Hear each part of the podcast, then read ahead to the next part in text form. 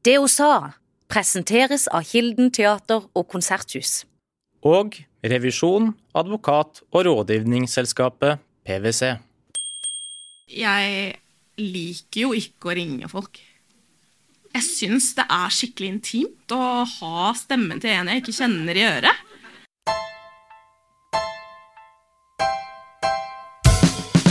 Denne episoden er et opptak fra arrangementet Det hun sa om kvelden, som foregikk på restauranten The Royal Corner i Kristiansand. Et gjennomgående tema er generasjon Z og generelt det nye arbeidslivet. Hovedgjest, Tessie Karoline Bønsnes, har vært trainee og derfor skiftet jobb tre ganger på halvannet år. Hun er i dag kommunikasjonsrådgiver i Business Region Kristiansand. Neste gjest er Anna Gunningberg, som de siste tolv årene har vært daglig leder i Trainee Sør. Hun har rekruttert og fulgt opp over 200 traineer på Sørlandet.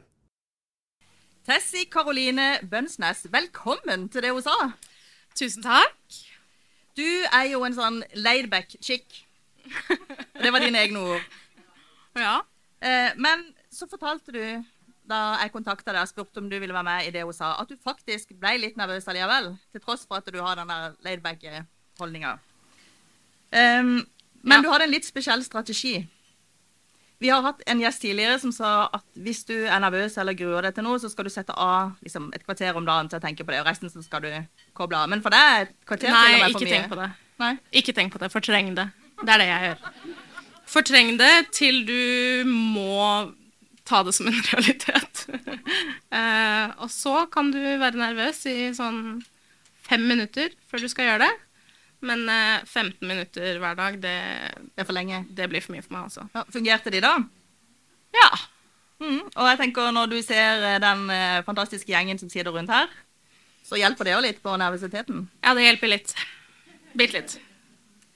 Vi har en sånn fast post for at de som hører på, eh, skal bli litt kjent med gjesten. Jeg tenkte du skulle få lov å si tre ting om deg sjøl. Tre ting om meg. OK. Um, jeg tror at uh, de som uh, kjenner meg, vil si at jeg er en laidback chick, faktisk. Cool. Ja. Uh, jeg tror at jeg har et sånt nesten rebelsk uh, avslappa holdning til livet mesteparten av tiden. Og er definitivt ikke en som tar meg selv høytidelig.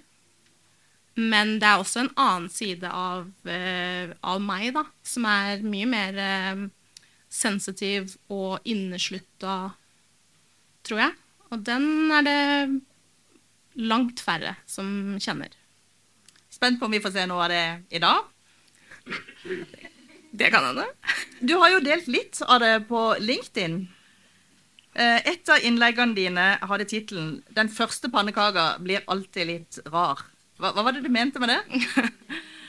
um, nei, det var jo egentlig en uh, metafor da, for uh, arbeidslivet generelt. Uh, jeg tror at man har mange tanker om hvordan det kommer til å bli å gå fra å være student til å være i full jobb. Og noen av de stemmer jo, men det blir jo ikke som du hadde trodd. Og sånn er det jo med den første pannekaka også. Den blir jo alltid fæl. Men, den- men den er veldig god. Men den er kjempegod. Men den ser jo ikke ut. Og sånn er det jo bare. Eh, så Den blir litt sånn deformert, og ting, ting skjer. Ting er vanskelig, spesielt det første året i arbeidslivet. Du skal liksom bli vant til et helt nytt miljø, samtidig som du skal finne rollen din som fagperson. Samtidig som du skal finne ut hvordan du balanserer det å ha en heltidsstilling med det livet som du har lyst til å leve. Så det er, det er mye som skjer på en gang. Og akkurat det skal vi snakke litt om i dag. For den røde tråden, det er det vi kaller for generasjon Z. Eh, og dere som er her, skal få lære litt mer om disse som representerer den generasjonen. Eh, og kanskje litt om deg sjøl, og kanskje litt om barn eller barnebarn. Eh, men, men nå må dere følge med igjen. Som om ikke dere gjør det. Eh, for nå skal dere lage lyd igjen. Og det dere skal gjøre, dere skal si den bokstaven som representerer den generasjonen dere er. Så da begynner jeg med å spørre hvem er født mellom 1946 og 1964? Dere, dere er såkalte boomers, eller baby-boomers. Dere er barna etter krigstida og kjennetegnes bl.a. ved at dere fikk mange barn. Noen av dere i hvert fall. Det kjennetegner den generasjonen. Så har vi den neste generasjonen. Da skal dere som er født mellom 1965 og 1980, si X. Nå. X sier jeg, for det er jeg òg. Eh, vi er generasjon X, ganske mange av oss her i dag. Eh, etter de så kom det vi kaller for Y, eller millenniums, som ikke jeg klarer å si. Millennials. Ja. Takk skal du ha, Tessie. Eh, dere er født mellom 81 og 95, og dere kan si Y nå. Det var ganske mange. Så skal vi over til den generasjonen som vi kan som ikke kan så mye om, men som vi skal lære mer om i dag. Eh, generasjon Z. De er født fra ca. 95 og til 2009. Eh, jeg skal fortelle litt om hva som kjennetegner den generasjonen. Jeg skal bare drikke litt vann først. Ok, Men uh, ifølge litteraturen så er dette generasjon Z. De er selvfølgelig satt på spissen. Alle er ikke sånn. Men det er noen særtrekk som går igjen. Uh, disse Barna kaller jeg dere. uh, de er digitalt innfødte. Altså, de har aldri opplevd å ikke være digitale. Eh, de konsumerer enormt med Instagram, YouTube og TikTok. Eh, de ønsker seg ikke det samme livet som foreldre og besteforeldre, med for mye jobb og for lite tid til familie og egne interesser. De er opptatt av work-life balance.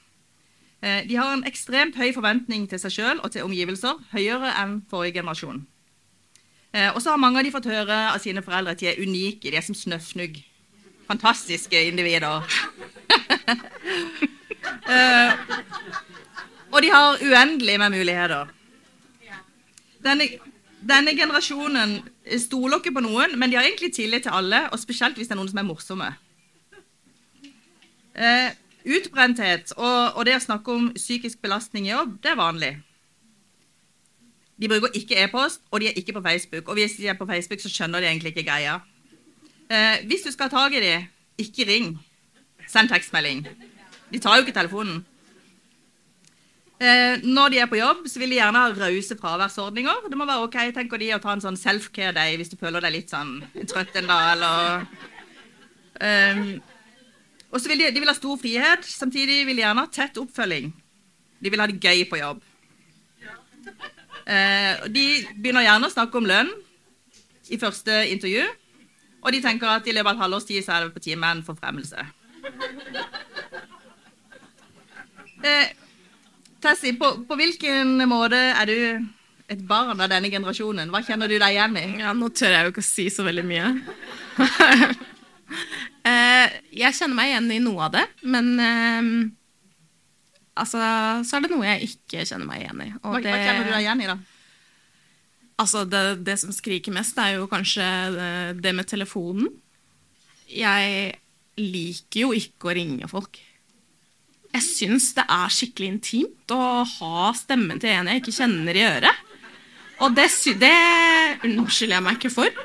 Uh, men når jeg er på jobb, så må jeg jo ringe folk. Det, det, men det hender at uh, vi tar en liten sånn peptalk. det er ubehagelig å snakke i telefonen? Ja, jeg syns det. Jeg, jeg, liker ikke den, eh, den påtatte stemmen som jeg får når jeg tar den telefonen og må si 'Hei, det er Caroline Tessie'. Hvem er dette? Nei. Og hvilke andre ting kjenner du deg igjen i? Um, altså, jeg tror jo Det er litt skummelt. For jeg, jeg, vil jo ikke si at jeg representerer Gen Z helt egentlig, for jeg er født i 96. Så jeg er jo på kanten til å være en millennial. Um, men jeg kjenner meg veldig godt igjen i dette med work-life balance. Vi er ikke interessert i å liksom, leve for å jobbe. Det er jo kjedelig. Um, og så er jeg jo interessert i å være på en arbeidsplass hvor man faktisk kan gå ut og ta seg en kaffe uten at, liksom, at man ikke bare må rettferdiggjøre eksistensen sin hele tiden, da. Det syns jeg høres bra ut. Men du er jo, som du sa sjøl, på en måte i, helt liksom i, i enden, da, om vi skal si det sånn, av, av de som er generasjon Z. Men du har ei lillesøster som er yngre enn deg. Eh, og med utgangspunkt i hvordan hun er, og den eh, omgangskretsen der, da. Eh, hva, hva vil du legge til? Jeg vil jo si at eh, Det er så mye er lettere å snakke stygt om lillesøstera si enn det. Jeg merka at det ble litt, eh, litt lettere. Men uh, vet du hva, jeg vil si at jeg kjenner Jeg ser henne i mer uh, av dine beskrivelser. Uh, jeg tror at de er litt mer uinteresserte i en sånn A4-hverdag. Jeg tror at det Jeg tror de har sett for mye av det, rett og slett. Og at det, det skremmer dem mer enn det skremmer meg, vil jeg si. Så er jeg litt nysgjerrig på hvordan dere, unge, ser på oss som er i generasjonen over. Hvordan ser dere på generasjon X? Hvis du skulle lage deg sånn en liste, hva ville du ha sagt da? Um, jeg tror jo ikke at Og dette er ikke for å høres fæl ut, men jeg tror ikke at generasjon Z tenker så mye på generasjon X som det de tenker på generasjon Z. Eh, og det er nok en sånn, et, et symptom av å være yngst, da. At man kanskje ikke ser på de som er eldre og tenker hva er det som definerer deres personlighet? Men, Eh, men hender det da liksom himler litt med øynene og tenker å her er min gammeldags Ja, altså, foreldrene mine er jo generasjon X, så selvfølgelig himler jeg med øynene. Det er litt sånn eh, Hvis jeg skal vise mamma en, eh, en morsom eh, TikTok eller en meme, eh, og jeg er liksom kjempegira og oh, håper hun ler, og liksom nå kan vi bonde over dette, da, og så er det første hun sier Who is that? Da, da kjenner jeg jo at lufta går litt sånn ut av meg, fordi det har, det har ingen vesentlighet i det hele. Det, jeg vet ikke hvem det er. Det er liksom litt po Poenget er at du ikke vet hvem det er. Det er bare gøy. Kan du ikke bare le? Sånn tror jeg mine barn òg kunne ha, ha tenkt når de viser meg noe. Ikke for å være frekk. Sorry. Du, eh, du har store forventninger til arbeidslivet, og jeg vet at du har høye ambisjoner.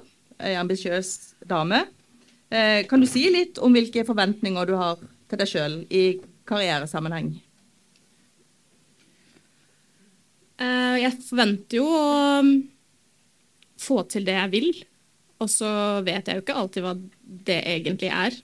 Men um, jeg vet jo nå, har lært etter, um, etter disse to årene, at jeg har veldig høye forventninger. Uh, og at jeg ikke nødvendigvis er så glad i å feile foran alle. Uh, og det er jo noe av det som er den store forskjellen mellom studenttilværelsen og arbeidslivet, er at når du er student og ting kanskje ikke går så bra, du får kanskje ikke de resultatene du ønsker, så er det en sånn isolert opplevelse. Eh, og det er bare du som egentlig er klar over hvilke resultater som du har fått. Men når du er i arbeidslivet, så er det en sånn, eh, en sånn free for all, hvor eh, alt er åpent, da. Og det kan være veldig skummelt. Og da, da har jeg kjent mer på den prestasjonsangsten, fordi alle hele tiden er klar over status, da, opplever jeg. Har du opplevd at du har gjort feil som har fått konsekvenser? Ja, selvfølgelig. Fortell. Uff, nei, det er jo hemmelig. nei, altså, det, det har ikke vært så store ting nødvendigvis, men uh, i uh, der hvor jeg jobber nå, så jeg tror jeg hadde jobba der i kanskje en måned, par måneder. Og så skulle vi ha besøk av en delegasjon. Eh, Jeg jobber med kommunikasjon, så en, en stor del av det er eh, grafisk profil og presentasjoner og litt sånne ting.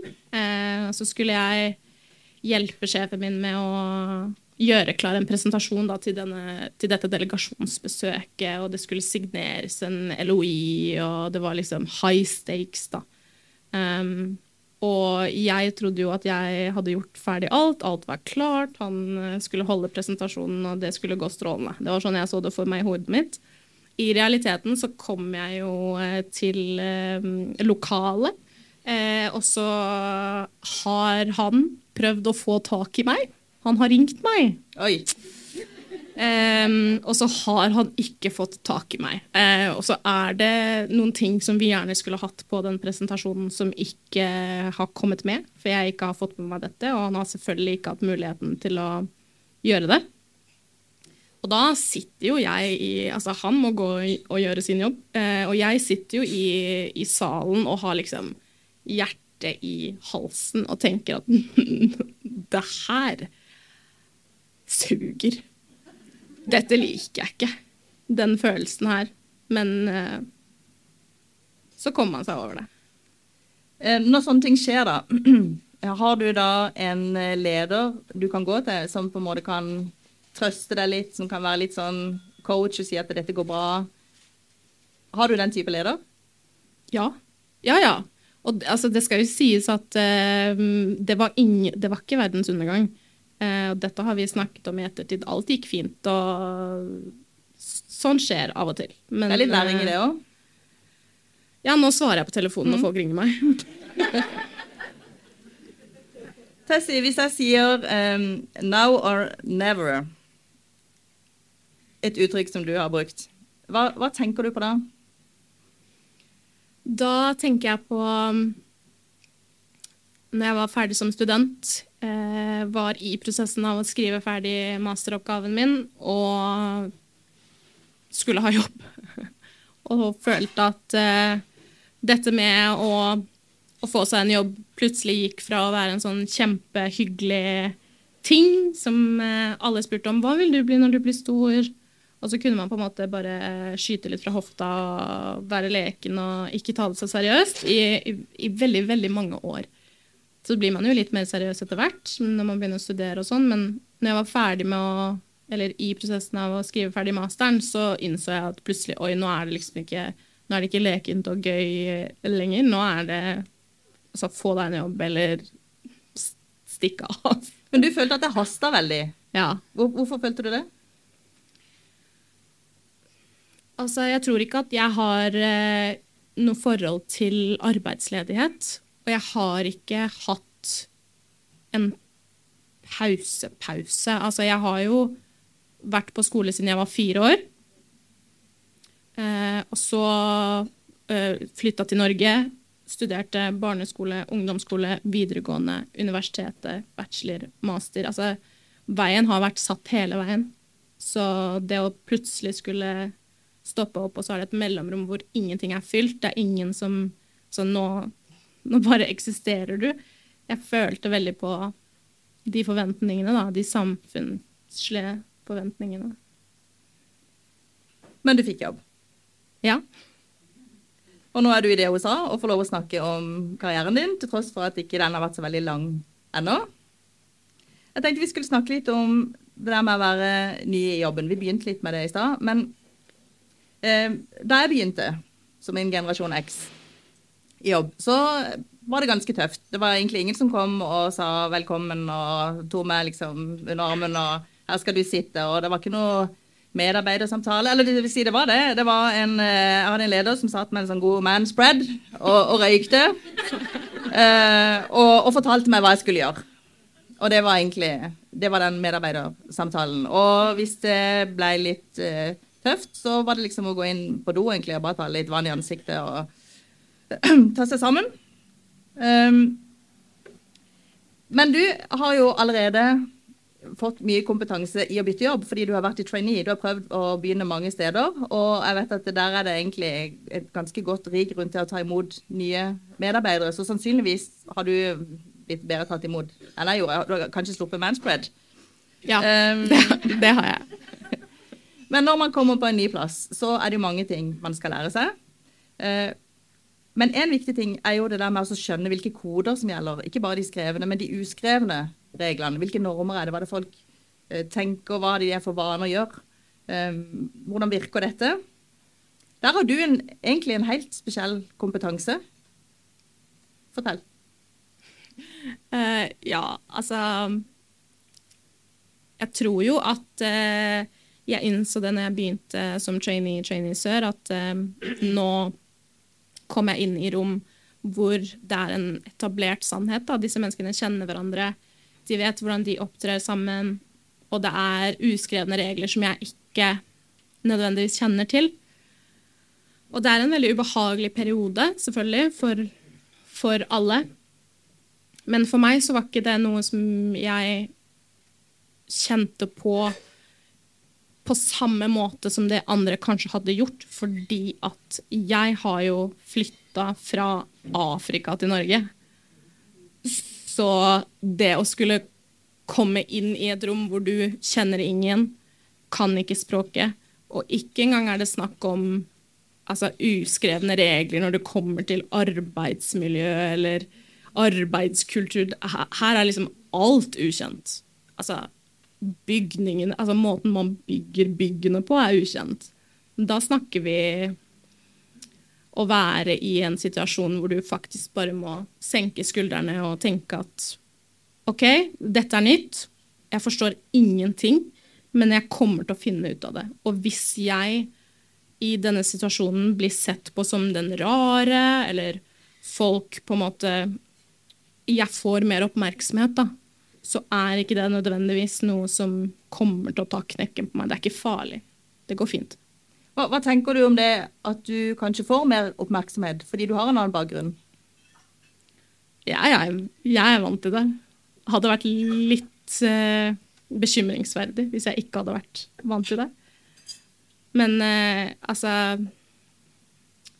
Alt er relativt, tenker jeg. Det, det er noe som jeg som jeg tenker på ofte, og noe som hjelper meg da, i de situasjonene jeg møter. Det er jo bare hyggelig å snakke om eh, mine opplevelser, og jeg har jo alltid noe å snakke om med en person jeg ikke kjenner. Spesielt i Norge. Jeg kan bare si hei, jeg er fra Rwanda, og så kommer alle spørsmålene. Så slipper jeg å gjøre jobben. Så, sånn som vi snakker om det nå, så har det vært en, en, en fordel. Eh, men du har opplevd at du har vært i situasjoner der den kompetansen ikke har virka, på en måte, der du har blitt overraska. Eh, og da skal vi litt tilbake til da du var student. Du tok utviklingsstudiet. Så reiste du til Haiti. Og da kom du inn med ganske god selvtillit. Jeg eh, reiste til Haiti før jeg studerte, faktisk. Jeg eh, nå har jeg sagt at jeg ikke tok en pause, men jeg tok jo egentlig en veldig norsk pause, eh, som er et friår. På folkehøyskole. Um, og da gikk jeg en sånn Latin-Amerika-linje, hvor vi um, lærte spansk og lærte om kultur og historie og, og, sånne ting. Og en del av det var å reise til Haiti og Den dominikanske republikk.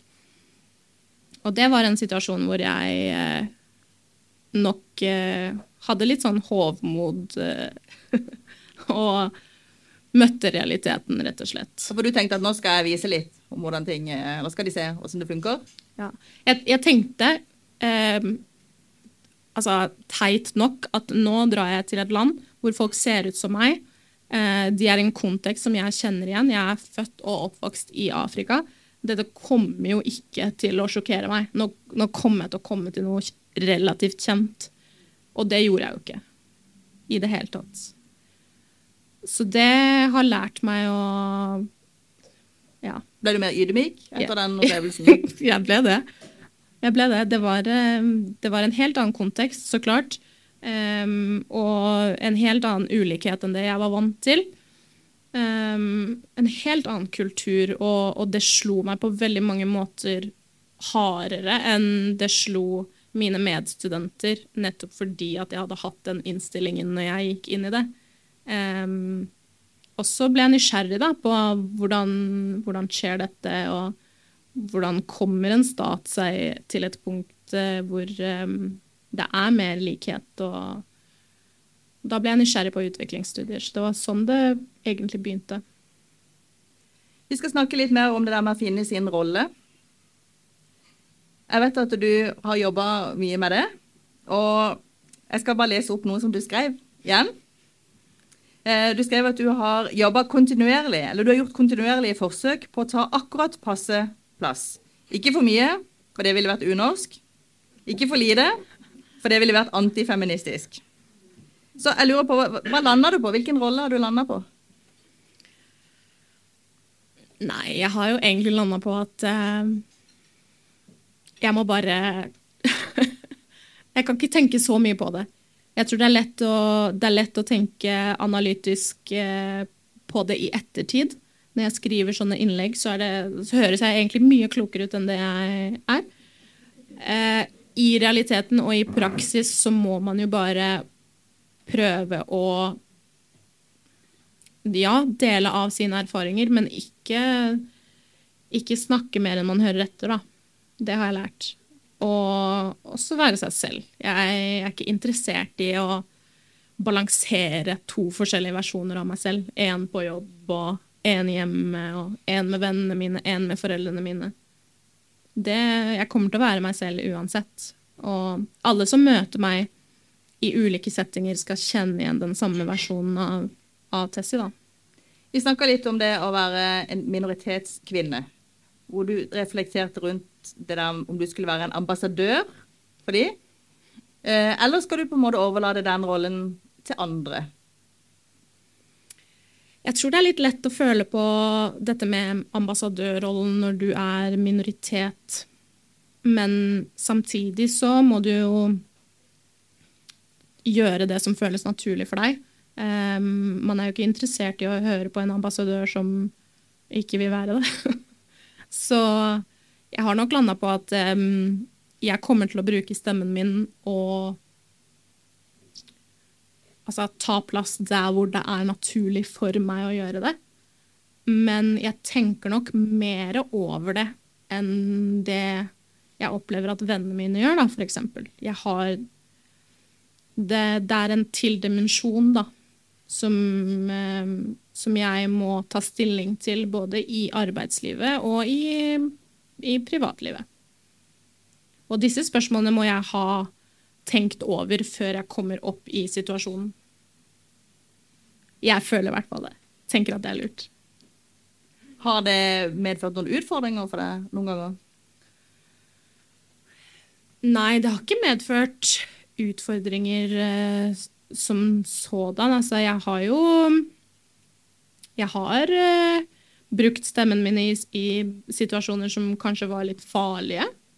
Um, og så har jeg brukt stemmen min i situasjoner hvor jeg egentlig bare hadde lyst til å lene meg tilbake og bare være, bare være en deltaker på uh, en konferanse, og ikke Altså, ikke rekke opp hånda og liksom snakke med den skjelvende stemmen og begynne å gråte foran eh, folk jeg syns er skikkelig flinke og respekterer.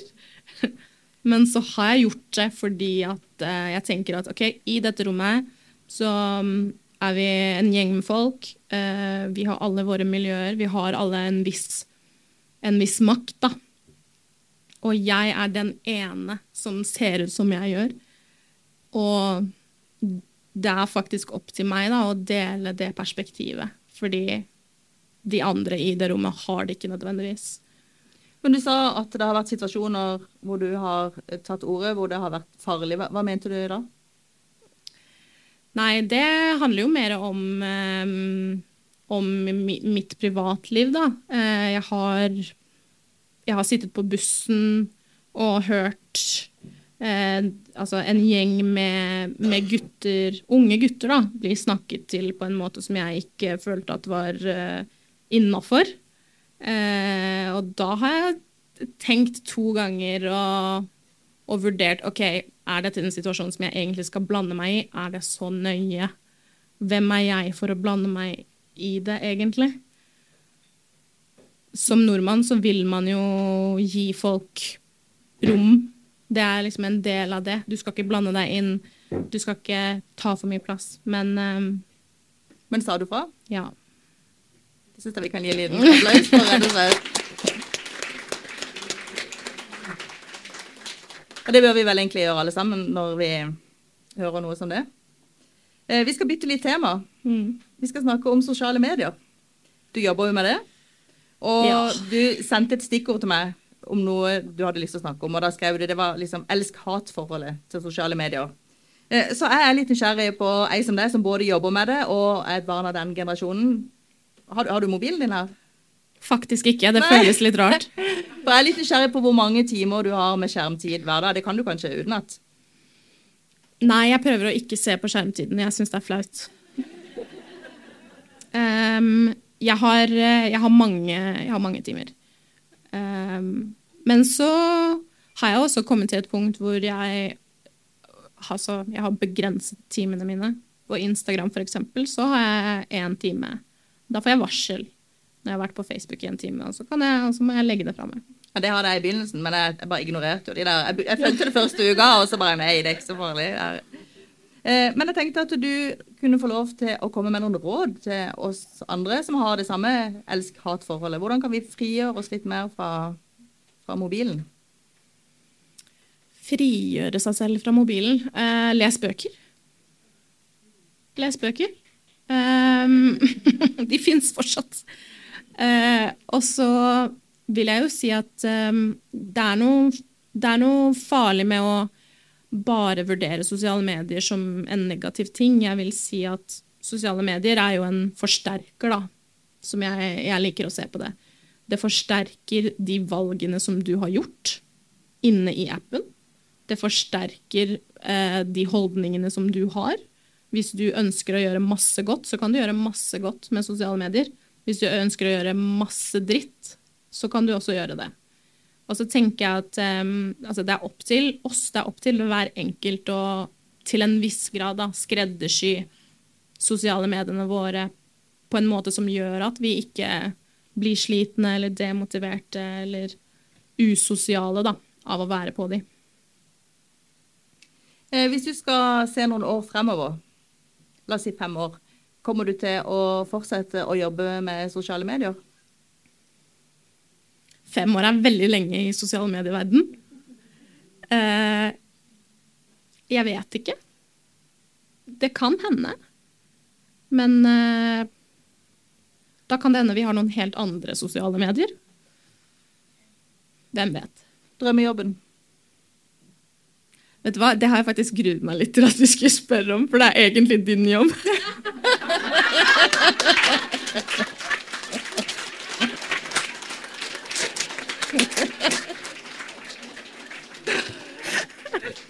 Den er ikke ledig helt ennå. Ok, det er ikke liksom jobben, jobben din. Men å være journalist, det kunne du tenke deg? Ja, altså, jeg elsker podkaster. Jeg starter dagen min med podkaster. Um, og har alltid hatt en sånn fascinasjon for intervjuformatet, da. Jeg syns det er veldig gøy å se på intervjuer hele tiden. Og, så det hadde vært veldig spennende å jobbe med. Tessie, jeg vet at du på den arbeidsplassen du er nå, Business Region Kristiansand, der driver du med litt sånn voksenopplæring. Og noe av det du underholder de med, det er litt sånn word of Jeg kan ikke snakke engang, jeg trenger dette. word of the day. Altså, du er glad, du er glad i, i sleng, og du sa at du, du må jo liksom hele tida konsentrere deg litt for å snakke norsk, for du er så glad i å mikse og Ja. ordspill og Det er kanskje oss gamle som kaller det ordspill, da. Men, Men eh, kan ikke du gi oss sånn Kan ikke du gi oss noe Ikke noe ordspill. Kan ikke du gi oss noen eksempler på word of the day? Word of the day. Ok, altså Konteksten bak dette er jo at eh, jeg blander norsk og engelsk mye. Jeg har konsentrert meg for å ikke gjøre det nå. Bruker mye slang. eh, og kollegaene mine er jo litt eldre enn meg. Um, eh, og forstår ikke nødvendigvis alltid hva det ordet betyr, som jeg slang inn der. Og nå gruer jeg meg litt, for at du skulle gi meg noen eksempler i stad, og så sa du det, så, så bare skjønte ikke det. Så jeg følte jeg bare måtte le litt sånn høflig. Men Eh, et ord som jeg bruker ofte, er rant. Har du hørt det? Det er engelsk. Det er egentlig ikke slang. Det er bare et engelsk ord for å eh, altså, få ut tankene sine. Altså, når en kollega kommer til deg og bare altså, Tankestrømmen bare formidles, og, og du føler at du, du har vært inni hjernen deres. Det er en rant. Er det, er det bra eller dårlig? En rant er sjelden bra. Okay. Det er sjelden bra. Men, eh, men det, er ikke, det er ikke nødvendigvis supernegativt. Det er bare Det er litt intenst. Ja. Mentoren min er her et sted. Hun vet hva en rant er. Hun har hørt meg rante mye. Har du flere ord du vil dele? Jeg sier lol mye, da. Eh, men eh, det betyr egentlig laugh out loud. Men eh, det brukes sarkastisk. Så hvis jeg hører noe som jeg syns er sånn teit eller noe sånt noe, så kan jeg respondere med lol. Ja. Men eh, takk for eh, voksen, voksenopplæringen. Bare Rant- hyggelig. Rant og lol. Rant og lol.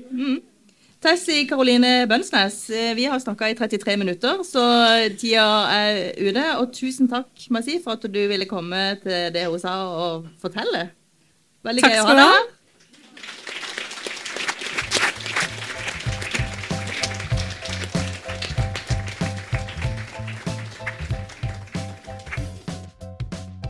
Anna Gunningberg, velkommen. Takk skal du ha. Du ble av forrige gjest, Tessie, omtalt selvfølgelig da som manager. Istedenfor manager. Jeg måtte skrive det opp her, så jeg kunne huske uttalen. Um, hvorfor kalles du for manager? Tessie?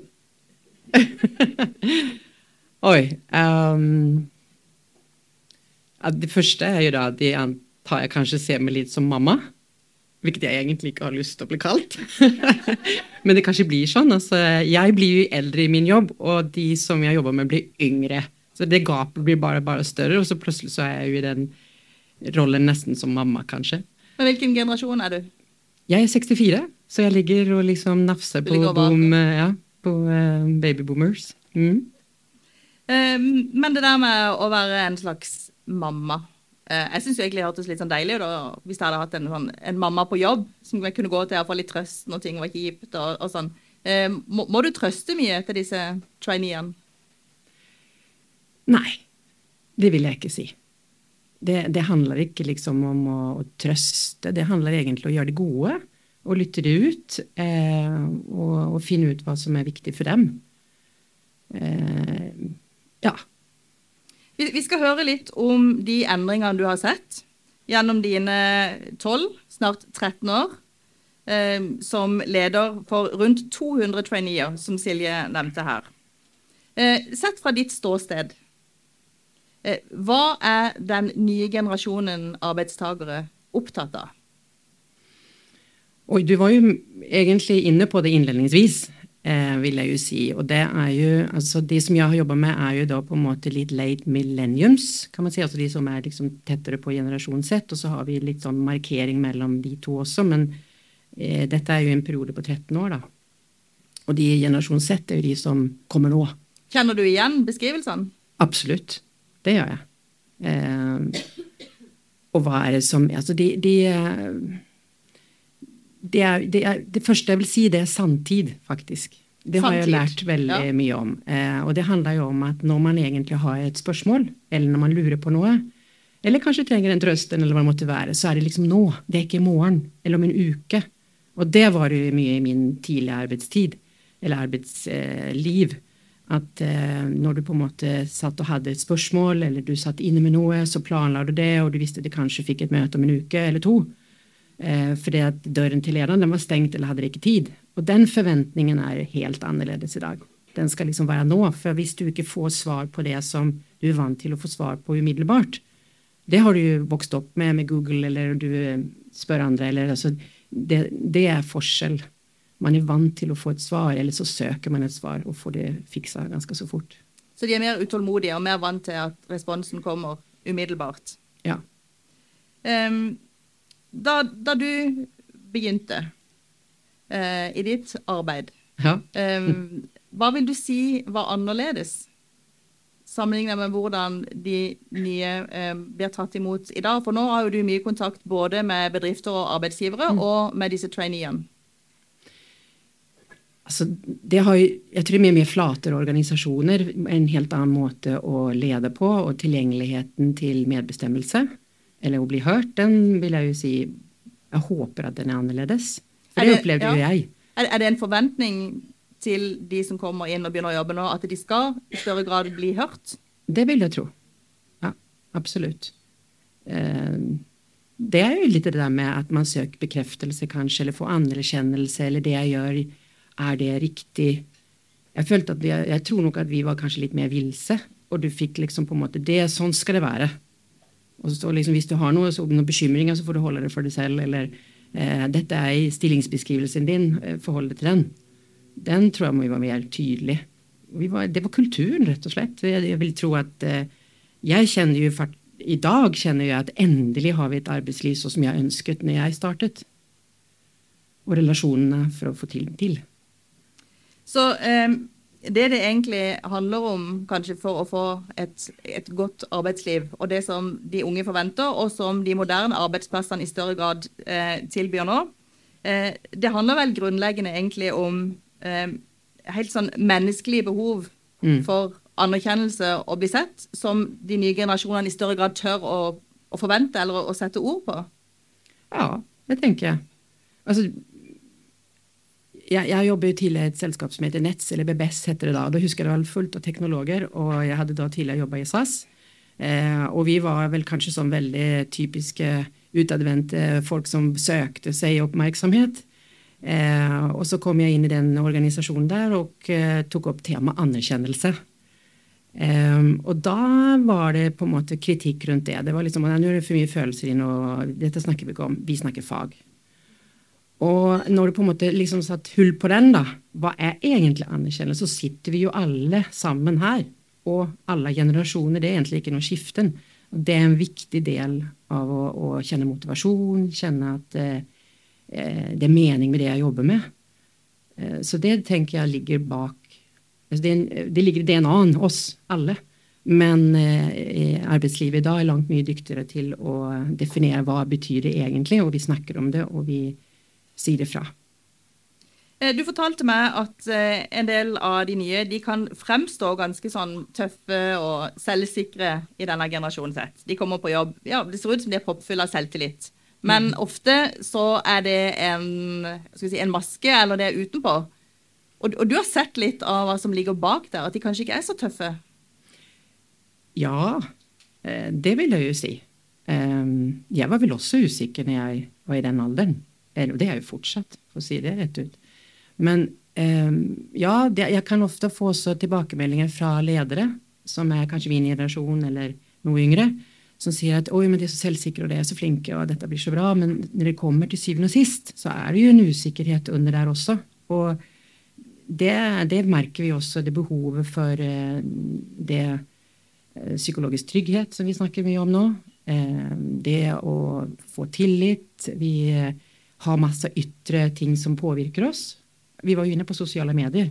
Altså Hvis jeg får referere til deg, Tesse, der, som du har vært med her nå, så, eh, nå, så husker jeg så godt som du sa til meg at eh, oh, nå jobber jeg med sosiale medier daglig i jobben min, og i tillegg så får jeg dårlig samvittighet overfor mine venner, som jeg alltid er online på. Jeg er alltid til stede for dem på sosiale medier, og nå bare orker jeg ikke. Og så skal jeg få dårlig samvittighet for at jeg skal være der til stede for andre. Altså, vi har jo et sosiale medium rundt oss som handler om at veldig mye er bra rundt oss. Eh, og så sammenligner vi oss kanskje mer med det enn å på en måte prøve å, å finne litt mer ut hvem er jeg, og ikke måle opp mot andre. Det tenker jeg at Da skapes det jo en usikkerhet. Så vi ser jo målinger på at personlig utvikling er en del av de yngre generasjonene som har mye mer fokus på. Så De ønsker å komme på en arbeidsplass der det er rom for personlig utvikling. Eh, I en artikkel som vi hadde i Fælandsenden for et par uker siden, så hadde vi intervjua representanter også for generasjon Z, og de sa at de ville jo mye heller ha en coach eller en mentor mm. enn en sjef. Absolutt. Men det handler jo om at du, eh, du vil bli respektert for det du, den du er, og den, det du kan. Og jeg tenker at det er mye bedre å ha en leder som kanskje hører det ut, før du på en måte gir en respons. Og ikke bare på en måte gi den der Nei, men hør her nå. Jeg forventer det og det og det og det. Så det tenker jeg eh, den er utrolig viktig. Og det, det trenger, den, eh, trenger, vi alle, egentlig. Men eh, absolutt oppe som en, en, av de tingene som denne generasjonen eh, motiveres av. Så der må bedriftene de må henge med. Her. De må der må de endre seg. Ja, Det handler om eh, at man ser på sin egen ledelse. Eh, fallgruver er jo at eh, jeg og min generasjon leder sånn som jeg ble ledet. Ikke sant? Eh, og det kan vi jo ikke. Nei, for jeg tenkte på en egen refleksjon rundt da jeg akkurat var ny i jobben. Jeg syns det var steintøft. Mediebransjen var knalltøff. Eh, det var veldig få damer, veldig få unge. Jeg hadde ikke noen sånne gøye kolleger jeg kunne henge med på, på kvelden. Kunne, de var, for så vidt var de gøye, da, men de var så gamle. Um, så kom jeg hjem til pappa, som han var født i 1918, så jeg vet ikke hva slags generasjon eh, han var da. Men jeg kom hjem og klagde over hvor tøft det var. Eh, og da var det ikke noe sånn at ja, men legg deg på sofaen og slapp av litt, eller hent deg inn litt, eller noe sånt. Da var det snakk om å aldri gi seg, det var snakk om å ta seg sammen, altså det der med å bite tennene sammen. Eh, og det gikk igjen helt til det at ja, men alt kan jo ikke være gøy. Det kan ikke være så gøy hele tida, det er jobb. Ikke sant? Og, og det ble veldig appellert til denne pliktfølelsen. Eh, og det har vi jo en kultur for at vi har gjort gjennom mange år i arbeidslivet. ikke sant? Vi skriver reportasjer om folk som aldri har hatt en sykedag på 50 år. og Ehm, jeg er litt så nysgjerrig på bedriftene på Sørlandet, som ikke bare på Sørlandet, men overalt, men som fremdeles har en del eh, ledere som tilhører den gamle skolen, hvis jeg kan si det sånn. Boomers. Eh, og Det er helt sikkert noen moderne av de òg, men det er nok også en del som jeg tror er opptatt av tradisjonelle verdier som struktur. ikke sant? De vil ha ledelse med en sånn sjef-sjef. Eh, det er hierarki, som vi snakker om. Eh, tidsfrister. Det handler om å være presis på jobb. Det er bra hvis du kommer hver dag halv ni og ikke kommer for seint. Eh, det må jo bli kulturkrasj med disse unge som ønsker frihet. Fortell. Oi. Det var heftig spørsmål, da. Det var et langt spørsmål. Ja, men altså det er første jeg tenker. Altså du må, hvis du skal lede i dag, så må du vise tillit. Og da får du tillit tilbake. Og da ønsker man å prestere. Man er motivert for å gjøre din leder god. Eh, du er motivert eh, til å gjøre jobben din. Eh, og så må du på en måte jobbe med å lytte ut hva jeg har med for forventningsavklaring. For jeg tror at de unge de, de er ambisiøse, de, de vil jobbe. Vi, vi har snakket om dette med work balance. Eh, bare de får litt sånn fleksibilitet, så vil du få tilbake så mye mer. Ja, du får det ikke mellom 8 og 16, du kanskje får det rett og slett 8 på kvelden eller tidlig i morgen. Eller, men den friheten, å få ha den liksom fleksen eller følelsen av å få armslag, den tror jeg er kjempeviktig. Men du, Anna, du, du har jo forstått dette. Um, men i din stilling, jeg er sikker på at du av og til møter representanter for den gamle skolen av sjefer som skal ta imot disse unge traineene, og som er frustrert. Hva, hva sier du til de?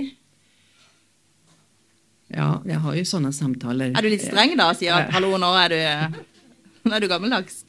Nei, men jeg prøver på en måte å, også at de, at de skal spe, altså speile treningene litt, da. Behovene som ligger der. Og for, og for at lederne ønsker jo å være god. Så altså, at de prøver å se på en måte hva er det da jeg skal som leder prøve å finne ut av. Og så at de er mer nysgjerrige, at de er eh, Framfor alt det er mer nysgjerrige. Og de, de unge ønsker jo eh, hva man kaller det, altså de ønsker jo å bli stilt krav til. Det er forventninger som de ønsker å få. En tydelighet. Men gjør det på en ålreit måte. Eh, men i dag er det det, det er enkelte ledere som sier at ja, nei, ah, jeg- det måles ikke opp på mine ambisjoner. Jeg skjønner ikke hvordan, hvorfor de skal ha så mye fri, eller hvorfor skal de trene i arbeidstiden, eller eh, De leverer ikke akkurat som jeg hadde tenkt. Um, er de late? for? Nei, det har jeg faktisk aldri fått noen direkte tilbakemeldinger på. Men det, da er jo en dårlig leder som ikke er tydelig på det. da. For den tydeligheten tror jeg du absolutt eh, det tar de unge veldig godt. De liker å få tidsfrister, de som oss andre. Kanskje man er bedre da? Men jeg, jeg tenker at det enkelte er litt der. Som at eh, så her gjorde vi før, og hvorfor forholder ikke du deg til det? Kanskje du mister kontrollen på ditt eget lederskap?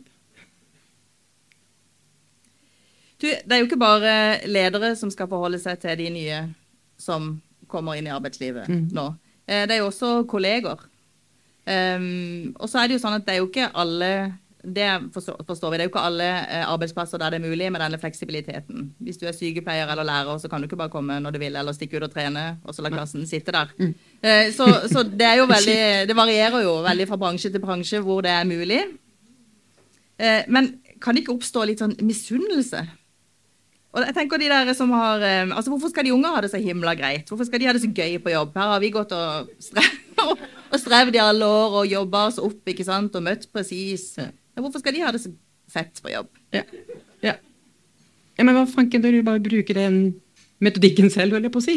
Altså, da Nyt det selv, da. Ta tak i det selv. Enn at eh, tenke at men sånn hadde ikke jeg det, da skal ikke du heller ha det Fanken heller. Liksom. Eh, altså det, det, ser vi jo selvfølgelig. Sånn er ikke jeg oppdratt. Eh, altså at de tenker sånn, sånn er ikke jeg oppdratt. Hvordan er du oppdratt? Eh, hva har du for tanker om arbeidslivet? Eh, det er konservativt. Jeg tenker Du må bare tenke om. Altså det som vi har her med de nye unge generasjoner, det er vår framtid. Det er min pensjon. Så eh, men, men, lønner det seg ikke å bare være en lojal medarbeider lenger, som kommer presis og gjør det du skal? Ja, den, den er jeg ikke med deg på. Jeg helt. tenker Hvis du bare gjør det og ikke stiller noen krav, du da, får du ikke noen av disse mulighetene da? Bør man være litt mer, bør de eldre lære de yngre her å stille mer krav? Ja, kanskje. Men ja, for meg handler mye dette her om respekt overfor hverandre. Eh, for det, som du sier, det finnes stillinger der du kan på en måte, det finnes ikke rom for det. Men det at om du skjønner det, eh, at du blir involvert i grunn, bakgrunn til ting, så står du for det.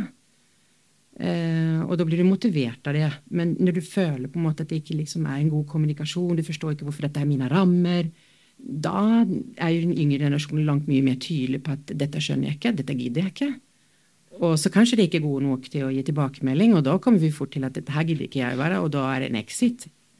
Ja, for det, vi skal snakke litt mer om, om forskjellen på, på, yngre og eldre arbeidstakere. Og um, de litt eldre har ofte lært at hvis noe er trøbbelsomt, hvis det er vanskelig, så går du kanskje til HR-lederen, du går kanskje til tillits, tillitsvalgt. Eh, så blir det en prosess, og så prøver man å løse det. Mm. Man er litt tålmodig. Man kanskje venter en, mail på svar, eller en uke på å svare på den mailen, mm. som du sier. Men eh, hvordan er det for de du møter, hvis de står i noe trøbbel? Har de tålmodighet?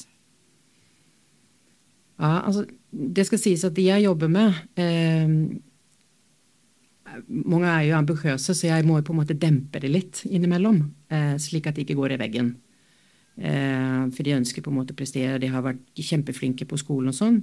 Eh, men samtidig, så når du møter arbeidslivet, så er det jo skjulte agendaer de ikke forstår, de har ikke kontroll. De kan kjenne på at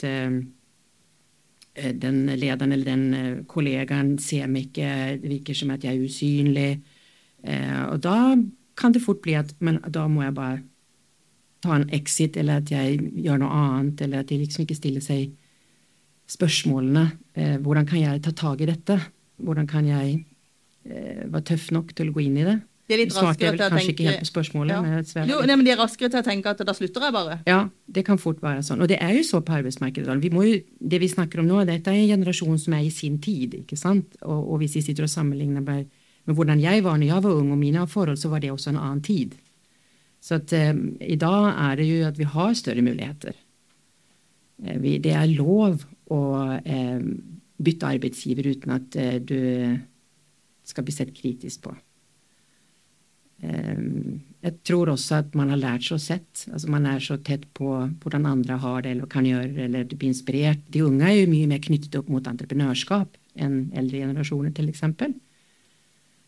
Eh, så kanskje det med en exit Jeg tror ikke det bare er fordi at du ikke tør å ta opp samtalen, du bare ser at det er en annen mulighet, og den utålmodigheten som ligger der. Så det er ikke nødvendigvis en viktig verdi for de å være lenge på hver arbeidsplass? Det tror jeg ikke. Nei. For det har alltid en, altså de unge har jeg sier de unge, jeg føler selv at jeg er det, men vi har jo behov for en kontinuerlig læring, kontinuerlig eh, kompetansepåfyll, eh, på en helt annen måte enn det eldre generasjoner. Vi, vi, hadde det også, men vi fikk det liksom i puljer. Mens nå er det liksom den kontinuiteten. Og det er det som er så kult med, med, med medier og alt det vi har. Vi kan fylle på på ulike måter, og hvordan vi lærer er også veldig mye eh, på en helt annen måte i dag. Du kan bare ta opp YouTube eller TikTok. Det er masse med læring der. Det går raskt. Eh, du har en løsning ganske så fort.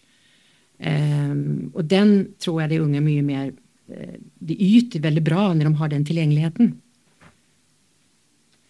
Og der er jo vi litt sånn amøbe, altså. Herregud. Jeg føler at jeg, jeg, skulle lære så mye mer. Det er det som er så gøy. Hva, hva kan jeg lære av de som er yngre enn meg? Så du må jo være læringsvillig til å endre deg selv da, når du er i en relasjon, eller om du er leder eller med de unge. Det er samme sak som når vi er med foreldre. Ta det inn på råd. Hva var det viktigste du har lært av de du har møtt? Av de unge, eller ja. av mm. Endring. Altså på en måte den fleksibiliteten og endringen, tror jeg. Eh, jeg blir veldig inspirert, for jeg, blir, for jeg liker endring, ikke sant? så jeg blir utfordret hele tiden. Mm, guts. Masse guts. Jeg tenker at Det var jo en sånn liten fremsnakk av de yngre helt til slutt. Og det er jo en vanlig post i, i det hun sa, så det passer veldig bra. Eh, vi har avtalt at du til slutt skal få lov å komme med noen råd.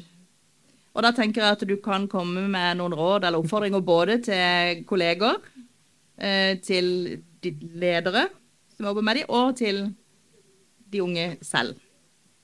Hvilke råd vil du gi? Eh, jeg vet at dere har hatt en eh, altså Her på Hodet sa så har de hatt noen helsesiste. Og jeg hørte på henne i en blogg, eller en, en, en podkast der hun sa at jeg tar inn mine barn på råd på kjøkkenet. Hun kaller liksom inn og sier du vet, nei, nå må vi diskutere en sak, vi må beslutte det her. Kom igjen, vi tar oss inn på råd. Og det tenker jeg er noe at hvis vi skal komme tettere på våre barn eller yngre generasjoner, så er det det at, eh, at, de er med på råd. Det betyr ikke at de har medbestemmelse, men det er det at de får være med og ta del av eh, en problemstilling. Og det har At man får respekt for det, og respekt for hverandre. Og at de eh, på den måten også vokser. Det tenker jeg er et råd. Eh, til, de, til, de, unge så, så leste jeg en artikkel på en kronikk, tror jeg det var, i, NRK jeg husker ikke hva hun heter, hun heter Katja Milsom, eller hun heter, men hun tar i alle fall gamlistrikset. Jeg vet ikke om du har lest den, kanskje flere som har lest den. Og den, tenk, den traff meg veldig bra i den situasjonen jeg er når jeg jobber med så mange unge. At eh, noen ganger på en måte kuler helt ned. Ikke, bare, ikke, liksom, slipp den der telefonen, ikke ta inn over i alt som alle andre gjør. Begynn å tenke litt hva, hva er det egentlig som er viktig for meg? Eh, å ha noen gode pauser. Eh, og legge bort den for vi vet jo, vi, vi, er jo der, vi har den telefonen hele tida, og det har jeg òg. Så jeg, den, den, den, gamle strikset var egentlig en hint til meg selv, i tillegg. Da tenker jeg at vi kanskje skal runde av med å ta med oss eh, det gode rådet videre. Gamlistrikset. Så vi, en kveld som handler om de unge, runder vi av med et gamlistriks. Anna, Anna Gunningberg, Tusen takk for at du ville komme og være med i Det hun sa. Du har hørt på Det hun sa av Ferdelandsvennen. Følg oss på Instagram og meld deg inn i Facebook-gruppen vår. Der kan du foreslå en gjest du har lyst til å høre i neste episode.